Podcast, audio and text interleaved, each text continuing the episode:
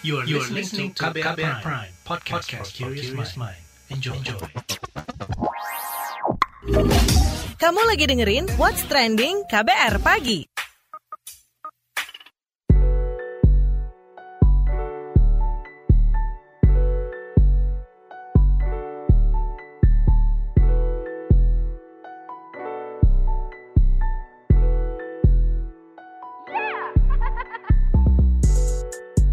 KBR Pagi, siaran pagi radio paling update. Selamat pagi, apa kabar Anda hari ini di hari Jumat 28 Mei 2021?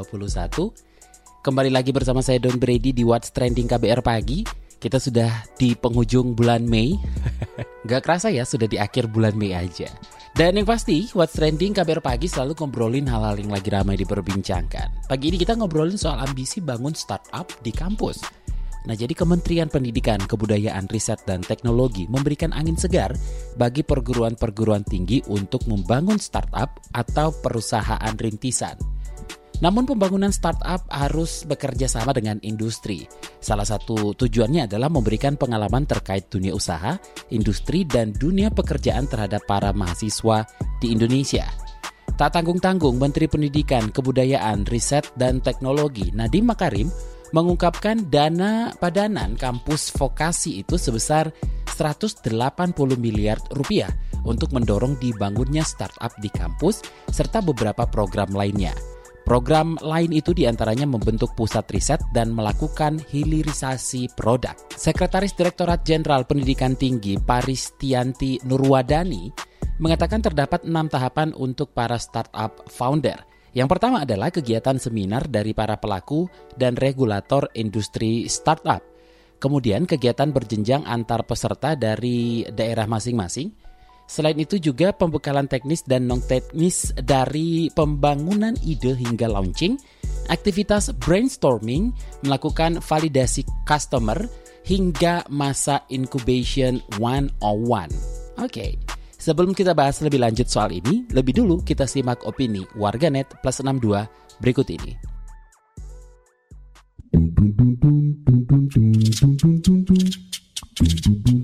Kita ke komentar at Muhammad Agung B. Pak Nadiem udah keren banget nih ngide bikin startup jadi matkul sebagai permulaan dengan harapan nanti bisa mandiri ekonominya dan sebagainya. Eh, malah warganya yang pesimis. Lalu komentar at Budi Sulis, manajemen change semoga good luck ya, vokasi terdepan di era Z.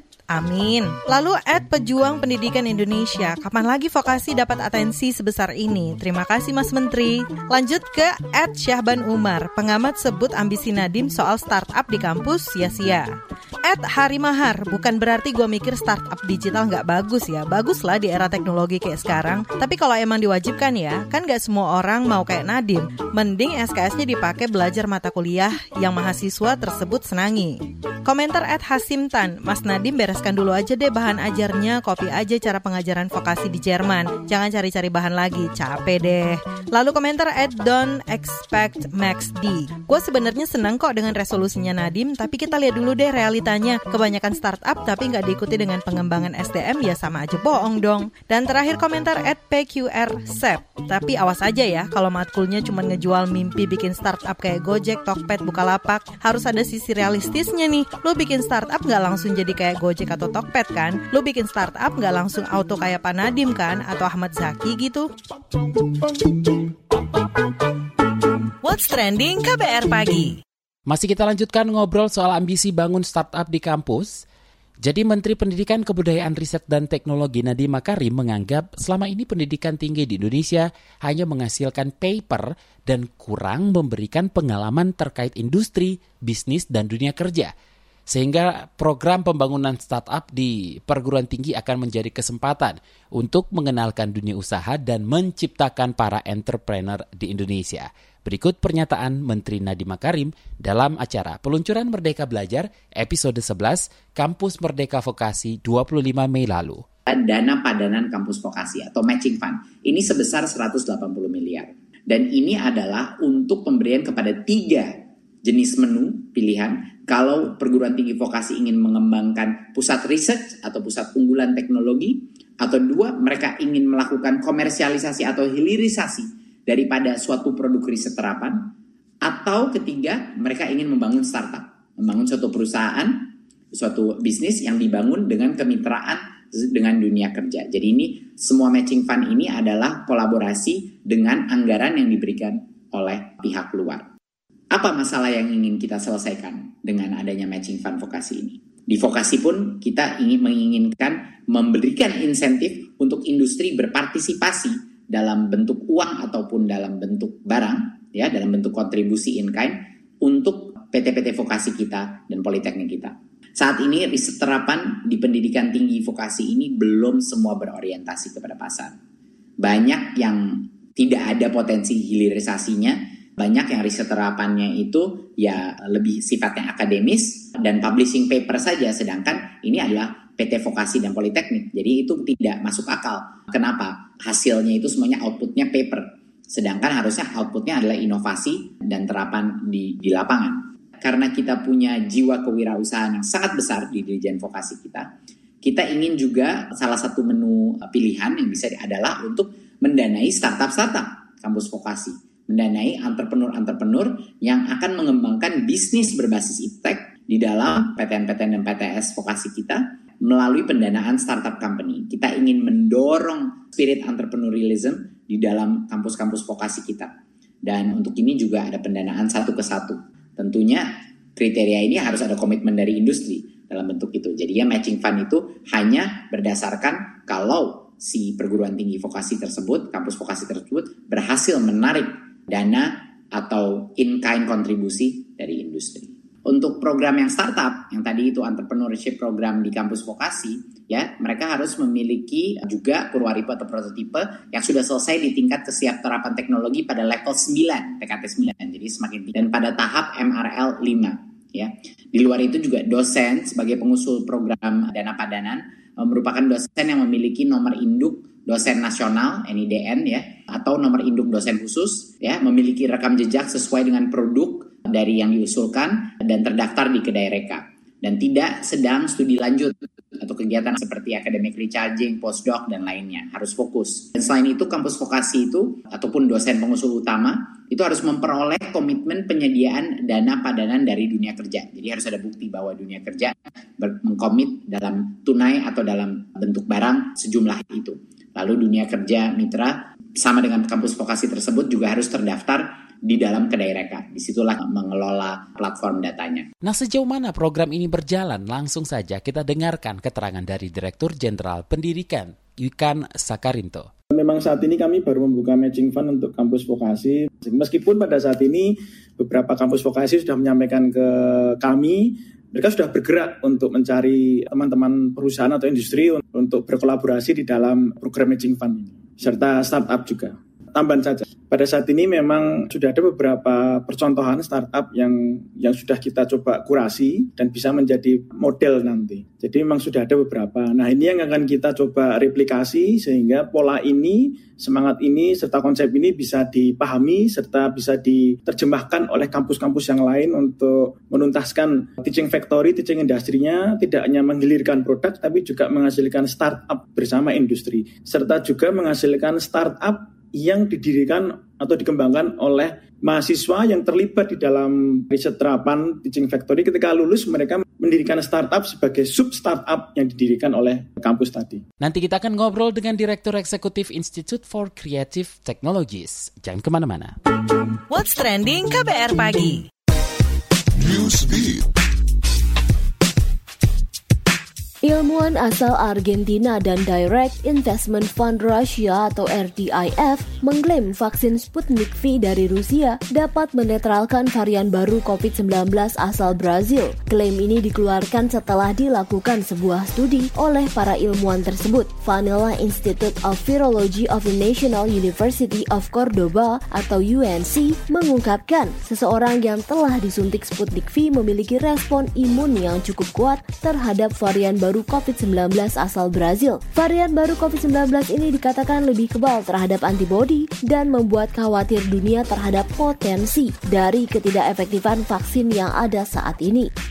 Pihak kepolisian India menyelidiki upaya menghindari penguncian wilayah atau lockdown dengan mengadakan upacara pernikahan di pesawat. Pasangan yang berasal dari Madurai, Tamil Nadu, India tersebut memesan pesawat yang menerbangkan mereka beserta keluarga ke Bengaluru. Selama perjalanan tersebut, mereka melangsungkan upacara janji suci tanpa mengindahkan protokol kesehatan di tengah pandemi COVID-19. Video dan foto-foto pernikahan pasangan ini pun viral di media sosial. Label asal Tiongkok membajak sejumlah lagu dari penyanyi Korea Selatan tanpa persetujuan pemegang hak cipta. Lagu dari IU, Teardrop in the Morning hingga Waiting Yonha pun diterjemahkan dan didaftarkan sebagai karya asli seniman asal Tiongkok tersebut. Kementerian Budaya, Olahraga, dan Pariwisata Korea Selatan pun mengambil langkah tegas karena hal ini melanggar hak cipta. Otoritas Korea bekerja sama dengan Federasi Artis Musik Korea dan Asosiasi Asosiasi Industri Rekaman Korea untuk menyelidiki kasus ini. Bahkan, mereka akan bekerja sama dengan YouTube dan kantor hak cipta di luar negeri untuk menyelesaikan persoalan ini. What's Trending KBR Pagi. Masih bersama saya Don Brady di What's Trending KBR Pagi. Ambisi bangun startup di kampus itu yang kita obrolkan pagi ini. Nah, jadi berkembangnya industri digital ya memang membuat pemerintah membentuk gerakan seribu startup nasional di bawah Kementerian Pendidikan, Kebudayaan, Riset, dan Teknologi. Program ini sejalan dengan prinsip atau pedoman dari program Merdeka Belajar. Menteri Koordinator Bidang Perekonomian Erlangga Hartarto menyampaikan sektor pendidikan menjadi pondasi menuju transformasi ekonomi di berbagai sektor. Sumber daya manusia Indonesia juga harus mendapatkan pendidikan dan pelatihan yang tepat terkait usaha, industri, dan dunia kerja selama mengenyam pendidikan di tingkat perguruan tinggi atau universitas. Seperti yang saya katakan tadi, kita akan ngobrol dengan Direktur Eksekutif Institute for Creative Technologies. Sudah bersama saya Heru Sutadi. Pak Heru, pendapat Anda soal program pendanaan pembangunan startup di kampus yang menggandeng industri seperti apa? Ya, kalau secara normatif upaya buat terutama perguruan tinggi gitu ya lebih kreatif inovatif gitu ya. Ya memang dia per perlu disambut gembira gitu ya. Apalagi memang sekarang kan di era digital. Cuman memang ketika kita bicara startup ini sesuatu yang memang dikerjakan oleh kementerian lain gitu ya seperti kementerian kominfo gitu kan mengusung program seribu startup gitu yang kemudian memang hasilnya juga dipertanyakan gitu loh. Ini yang yang menariknya gitu ya. Memang sesuai dengan perkembangan digital semua startup tapi yang berhasil bisa dihitung dengan jari gitu ya. Bahkan juga mungkin kalau misalnya dari proses-proses seperti itu banyak yang tidak berhasil gitu kan. Sehingga kalaupun misalnya ada program-program baru untuk pengembangan startup ya tentu perlu dievaluasi nih dari yang sudah ada, sudah terjadi, sudah dijalankan gitu ya, agar kemudian nggak sekedar ada satu program, tapi kemudian hasilnya nggak ada. Apalagi kalau misalnya di masa sekarang ini kan gitu ya. Memang kita tetap membutuhkan solusi-solusi digital karena kita melakukan transformasi, tapi secara trennya ini merupakan masa atau fase kedua dari pengembangan startup gitu ya. Jadi kalau misalnya mau mengembangkan transportasi online, udah udah eranya Pak Menterinya lah gitu ya, era Gojek segala macam, kemudian juga e-commerce segala macam. Jadi sekarang ini kan juga arahnya adalah pengembangan bagaimana kita juga mendukung industri 4.0 gitu. Jadi kalau maupun pengembangan startup, tren di dunia ini startup yang memang mengembangkan atau mendukung industri 4.0. Tadi misalnya ada big data analytics, blockchain, dia kemudian ke internet of things, augmented reality, virtual reality, kemudian juga kecerdasan buatan segala macam gitu. Arahnya yang ke sana sih memang. Apakah cukup menarik juga bagi uh, sisi industri? Yang pertama tentu juga kita tidak bisa mengandalkan pada industri sebenarnya karena industri itu betapapun kan juga mereka akan berpikiran atau juga berhitung gitu ya mengeluarkan uang berapa yang didapat berapa. Jadi, tapi kalaupun misalnya ada industri yang memang mereka membutuhkan gitu ya, apalagi kalau misalnya kita bicara transformasi digital gitu kan, ini kan ada kebutuhan juga industri untuk pengembangan ataupun juga mentransformasikan perusahaannya ke arah digital. Ya, ini yang sebenarnya teman-teman di kampus bisa bersinergi agar juga kemudian nanti selain bisa membantu industri, kita mempersiapkan mahasiswanya nanti ke depan yang mungkin bisa bekerja di tempat itu atau mungkin juga memiliki ilmu yang didapat dari apa yang dikerjakannya dengan uh, industri gitu ya. Jadi nggak selalu memang ini dalam bentuk startup sebenarnya. Jadi harusnya itu bagaimana kampus dengan industri ini match gitu ya kan kalau dulu ada link and match match bisa saling mendukung bisa saling bersinergi untuk bagaimana industri maju kampusnya juga terutama mahasiswanya juga bisa berperan dalam transformasi digital ke depan. Mampukah program seperti ini menumbuhkan entrepreneur? Ya kalau untuk menumbuhkan entrepreneur ya bisa saja sih gitu ya. Tapi makanya itu scope of work-nya seperti apa gitu. Jadi kalau misalnya scope of work-nya itu atasan kerjanya itu adalah bagaimana mendukung industri, ya akan lebih banyak menjadi penguat dari industri tersebut gitu ya. Ini agak berbeda dengan misalnya bagaimana mahasiswa dibentuk atau mungkin dilatih untuk membuat startup yang memang sesuai dengan kebutuhan industri katakanlah gitu ya. Tapi dengan cara pandang bagaimana mengembangkan bisnisnya gitu ya. Kalau misalnya mengembangkan bisnisnya segala macam, berarti ada kebutuhan industri apa ada kebutuhan masyarakat apa nih? Misalnya pengembangan kota cerdas segala macam ya bisa tuh mahasiswa untuk mencari inovasi, kemudian juga pemikiran-pemikiran baru, bagaimana mengembangkan digital untuk kota cerdas, misalnya mungkin kota baru segala macam gitu ya.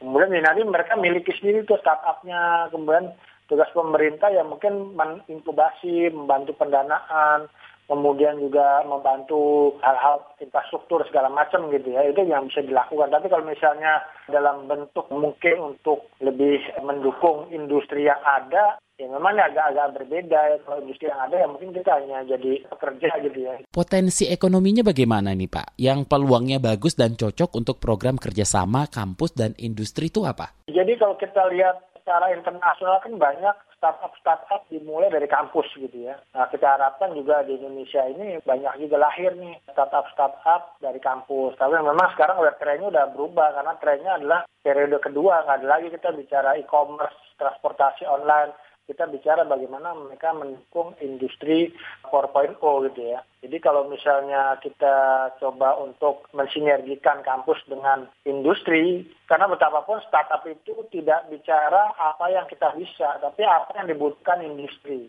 Jadi industri butuh apa, itu yang disupport kampus gitu ya. Dan itu memang benar-benar merupakan inovasi dan hasil karya kampus itu sendiri gitu ya. Sehingga nanti mungkin karyanya itu bisa dipakai di industri gitu. Sebab kalau misalnya menghasilkan satu inovasi tersendiri ya itu agak susah pemasarannya kalau itu nggak cocok dengan industrinya gitu. Apalagi kan industri kita kan mungkin berbeda-beda gitu. Yang kesehatan tentu berbeda mungkin dengan manufaktur gitu ya. Kemudian dengan agribisnis misalnya gitu. Itu kan macam-macam sektor yang mungkin juga pendekatannya berbeda-beda. Sehingga memang ya kita perlu lihat industrinya apa, kebutuhannya apa, ini yang bisa disupport oleh kalangan kampus gitu. Ya memang sih kalau istilah startup ini kan istilah yang ya populer lah meraih perhatian masyarakat ini cepat gitu ya. Tapi kan selama ini akhirnya juga nggak ada yang sukses juga dengan startup. Kalau kita melihatnya lebih baik memang proses sinergi kolaborasi kampus dengan industri dan juga mungkin dengan risteknya gitu ya sehingga uh, kebutuhan apa itu yang bisa dijawab oleh kalangan kampus kita apa mungkin embel-embel startup harusnya. What's trending KBR pagi? Commercial break. Commercial break. Transfer ke sini udah, bayar ini juga udah. Ke gue udah. Heh, Allah, pertumbuhan ekonomi tuh lagi melambat, persis kayak tabungan gue. Betul banget harus matang ngelola keuangan. Pengennya tuh investasi sesuatu gitu ya. Apa gitu yang cocok dan menguntungkan? Hmm, coba dengerin uang bicara deh. Gue belakangan lagi dengerin podcast itu di KBR Prime. Reksadana yang tadinya 500 juta udah turun dari 250 juta sekarang 10 ribu. Sama kita ngopi mahalan mana? Ketika itu ada keputusan yang kayak begitu investor harus tahu gitu oh ada keputusan ini berarti implikasinya apa orang mungkin perluas literasi kamu lewat podcast Uang Bicara Uang Bicara menavigasi kamu dengan menghadirkan bahasan-bahasan seru dan populer mulai dari investasi sampai kebijakan dipersembahkan oleh KBR Prime dan bisa didengarkan di KBR Prime, Spotify, dan platform mendengarkan podcast lainnya. KBR Prime, podcast for curious mind. What's trending KBR pagi?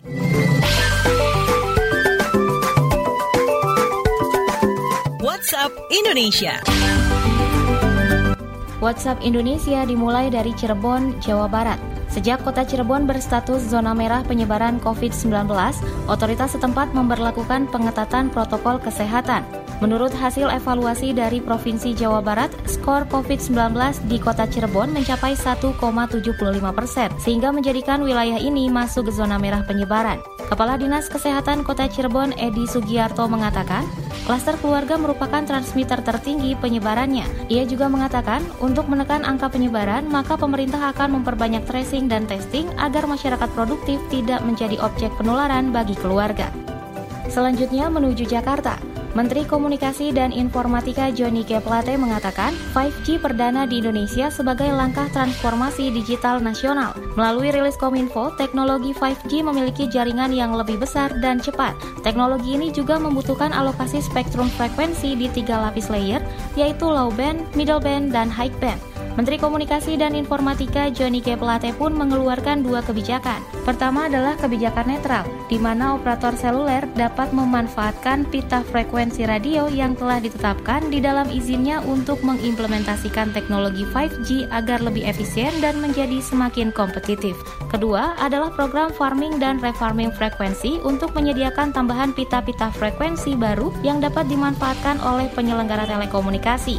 Joni mengharapkan teknologi 5G akan semakin mendorong kemajuan sektor digital di Indonesia. Meskipun begitu, Joni G. Plate mengklaim akan terus melakukan pemerataan jaringan 4G di seluruh Indonesia. Ia juga menegaskan kehadiran layanan 5G tidak lantas menggusur layanan 4G yang sudah digunakan masyarakat. Terakhir, kita mampir ke Bali. Pemerintah Jembaran Bali menargetkan daerahnya menjadi sentra ikan kerapu. Hal ini diawali dengan menjadikan desa Candi Kusuma sebagai tempat budidaya ikan tersebut. Melansir antara news, Bupati Jembaran I Nengah Tamba mengatakan, saat ini Kementerian Kelautan dan Perikanan telah menetapkan desa Candi Kusuma sebagai kampung kerapu untuk mendorong pembangunan sentra ikan tersebut. Pembudidayaan ikan kerapu dianggap mampu meningkatkan pertumbuhan ekonomi masyarakat setempat di tengah pandemi COVID-19. Selain membangun sentra kerapu, pihaknya juga akan membangun pasar ikan dan sebuah restoran berskala besar untuk menunjang program tersebut, sehingga pembudidaya kerapu tak kebingungan lagi mencari pasarnya. Demikian WhatsApp Indonesia hari ini. Demikian KBR pagi hari ini. Jika Anda tertinggal siaran ini, Anda kembali bisa menyimaknya di podcast What's Trending yang ada di kbrprime.id, di Spotify, dan di aplikasi mendengarkan podcast lainnya. Don't Brady undur diri. Have a nice day. Have a nice weekend. Stay safe. Bye-bye. Terima kasih ya sudah dengerin What's Trending KBR Pagi. KBR Prime, cara asik mendengar berita. KBR Prime, podcast for curious mind.